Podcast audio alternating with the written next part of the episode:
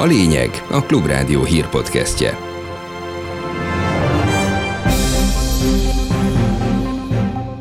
Jó napot kívánok! A Klubrádió stúdiójából Hardi Mihály köszönti Önöket. A mai podcastban a következő témákat ajánlom a figyelmükbe. Német lapértesülések szerint semmi jóra nem számíthat Orbán Viktor a jövő heti Európai Uniós fórumon, a bizottság kész befagyasztani a magyar pénzek egy részét.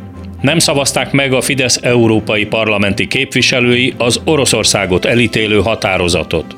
Az izraeli hatóságok folytatják a hajszát a jeruzsálemi kettős robbantás elkövetői után, egy fiatalember meghalt, majdnem 30-an megsérültek. Jöjjenek a részletek!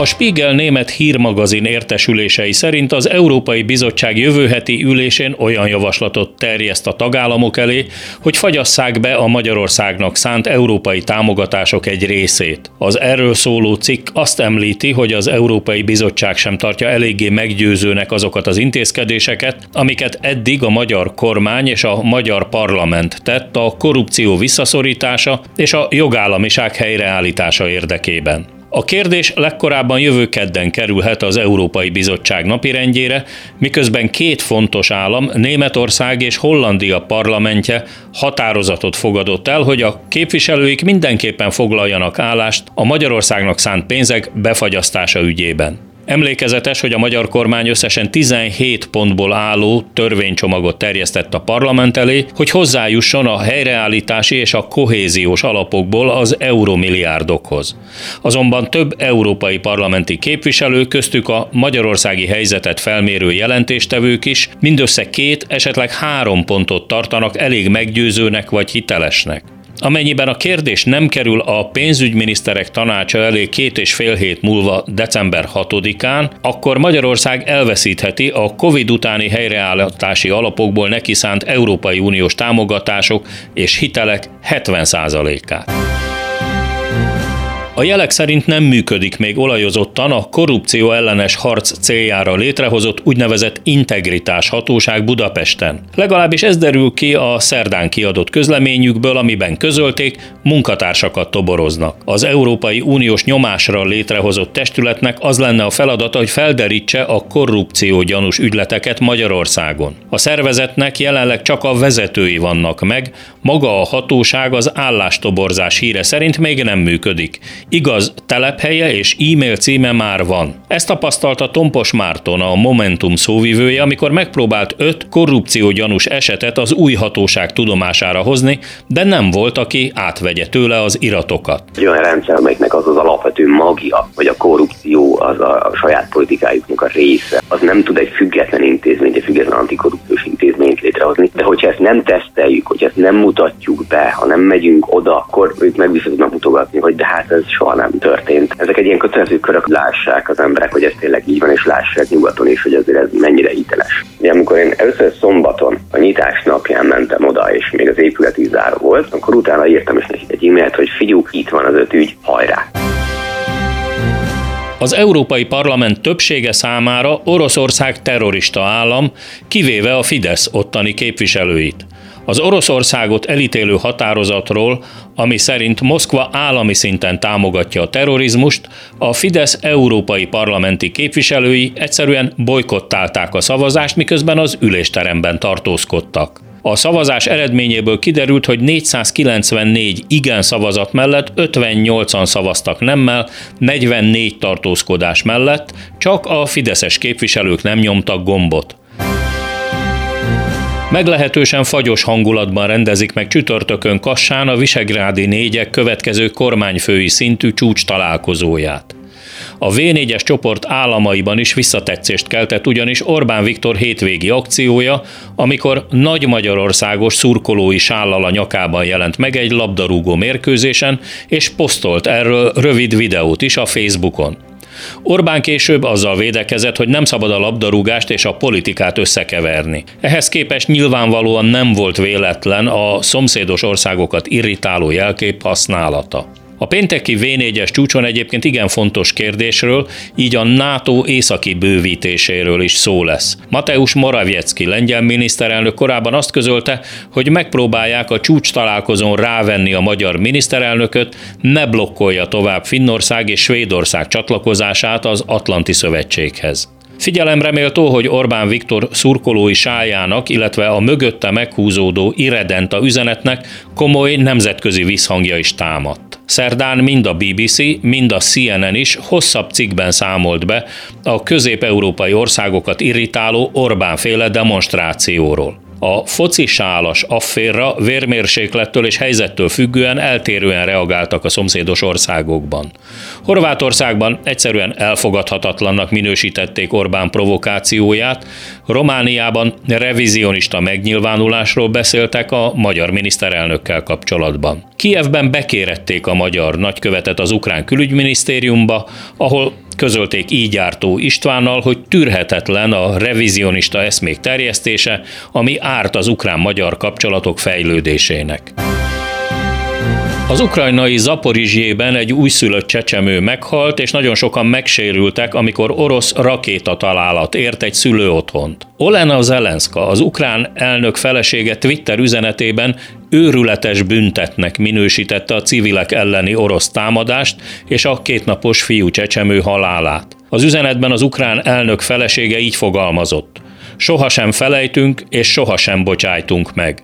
Az elmúlt 24 órában számos ukrán várost ért orosz tüzérségi vagy rakétatámadás, köztük a Fekete-tenger partján fekvő Odesszát és a Donetszki medencében fekvő Kupjanskot is. Mindez része az orosz hadsereg stratégia váltásának, aminek során elsősorban Ukrajna áram, víz és energia ellátását próbálják meg szétrombolni, hogy minél nagyobb szenvedést okozzanak a civil lakosságnak.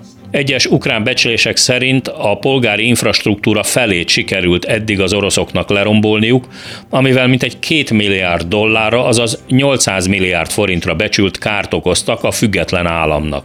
Volodymyr Zelenszky ukrán elnök civil menedékhelyek gyors megépítését helyezte kilátásba a keddészaka elmondott rövid videóüzenetében nem kevesebb, mint négyezer olyan menedékpont felállítását helyezte kilátásba, ahol a fűtés, víz és áram nélkül maradt polgári lakosok átvészelhetik az első kritikus napokat. Ukrajnában már 10 millióra becsülik azoknak a civil lakosoknak a számát, akik energia és vízellátása veszélyben van. Közben az ukrán nyomozó hatóságok razziát tartottak Kievben a Pecserszki Lavra nevű ortodox vallási központban, mert a gyanú szerint a moszkvai pátriárka fennhatóságát elismerő pravoszláv papoknál felforgató anyagokat kerestek. Kirill orosz pátriárka sietett vad és istentelen cselekedetnek minősíteni a razziát. A kievi lavra az orosz ortodox egyház megalapításának egyik szent helye, azonban az ukrán ortodox hívők egy része 2018-ban megszakította a kapcsolatot Moszkvával, és önálló úgynevezett autokefál egyházként működik tovább Filaret pátriárka vezetésével. Az izraeli hatóságok egyelőre nem tudják pontosan megnevezni, hogy ki vagy milyen szervezet követhette el a ma reggeli két robbantásos merényletet Jeruzsálemben. Az izraeli fővárosban egy 16 éves kanadai-izraeli kettős állampolgárságú fiú meghalt, 18-an pedig megsebesültek, amikor 30 percnyi eltéréssel két pokolgép is robbant egy-egy busz megállóban. Izraelben hosszabb ideje nem követtek el hasonló merényletet, igaz, késes és lőfegyveres támadások előfordultak. Az izraeli hatóságok nagy erőkkel keresik a tetteseket. A terrorista akció következtében megnőtt a feszültség Izraelben, ahol éppen most folytat kormányalakítási tárgyalásokat Benjamin Netanyahu. Jair Lapid távozó miniszterelnök összehívta a biztonsági kabinet ülését. Jelentős presztízs veszteséget már is elkönyvelhet Donald Trump, miután az amerikai legfelsőbb bíróság úgy döntött, a pénzügyminisztériumnak ki kell adni a volt amerikai elnök eddig a nyilvánosság elől eltitkolt adóbevallásait. A legfelsőbb bíróságban ugyanis többségben vannak a republikánusokhoz húzó, konzervatív felfogású bírák, akik közül hármat ráadásul Donald Trump nevezett ki a testületbe. Az idő szorítja az amerikai képviselőház vizsgálóbizottságát, amelyik az adóbevallásokat kikérte. Feltételezik ugyanis, hogy Donald Trump 2015 és 2019 között visszaélt a bevallásokkal, amikor hitelt vett fel, akkor túlságosan sokat jelentett be. Amikor adót kellett fizetni, akkor meg eltitkolta a jövedelmét. Ha kiderül, hogy Trump adót csalt volna, akkor jelentősen romlanak, sőt akár lehetetlenné is válnak ismételt indulási szándékai a Fehérház megszerzésére. Szabó Rebeka, a párbeszéd parlamenti képviselője felszólítja Novák Katalint, hogy ne írja alá azt a törvényt, aminek alapján bizonyos természetvédelmi területeket eladhatna a magyar állam. Emiatt a Fideszhez közel állók újabb értékes földterületeket szerezhetnek meg, ráadásul nem érvényesülnek a klímaválság elleni küzdelem szempontjai sem. Párbeszéd kéri Novák Katalint, hogy ne járuljon ahhoz hozzá, hogy Magyarországon a természeti értékek tönkre menjenek, mert ez ellentétes a magyar emberek érdekével, és ellentétes azzal, hogy Magyarország hatékonyan tudjon fellépni a mindannyiunkat fenyegető klímaválság ellen. Csak úgy tudunk harcolni a klímaválság ellen, ha megőrizzük megőrizzük a természetet, megőrizzük a természetes ökoszisztémákat. Franciaországban alig két nap alatt lebontottak egy alpesi faluban egy síliftet, mivel a környéken az elmúlt 15 évben egyáltalán nem tudták beindítani a hóhiány miatt. Szemfermenben 1964-ben helyezték üzembe a sífelvonót, elsősorban azzal a célral, hogy a helyi gyerekek és síelők ne utazzanak nagy távolságra, hanem a saját falujukban is élvezhessék a téli sportok szépségét. Csak hogy a globális felmelegedés miatt évről évre a francia Alpokban is egyre magasabbra kerül a hóhatár, így a hegy lábánál fekvő faluban már 15 éve nem tudták beindítani a felvonót. Mivel semmi kilátás nincs a hóhelyzet javulására, így a falu vezetése úgy döntött, hogy lebontják és ócskavasnak eladják a használaton kívüli sífelvonót. Itthon ugyan a Bakonyban eshet némi havas eső, de egyelőre még nem kell sem a ratrakokat, sem a sífelvonókat beindítani.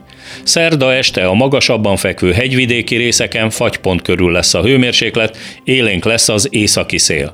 Csütörtökön kevesebb eső várható, itt-ott kisüthet a nap, de marad a hideg, novembernek megfelelő időjárás. A nappali hőmérséklet plusz 5 és plusz 8 fok körül alakul.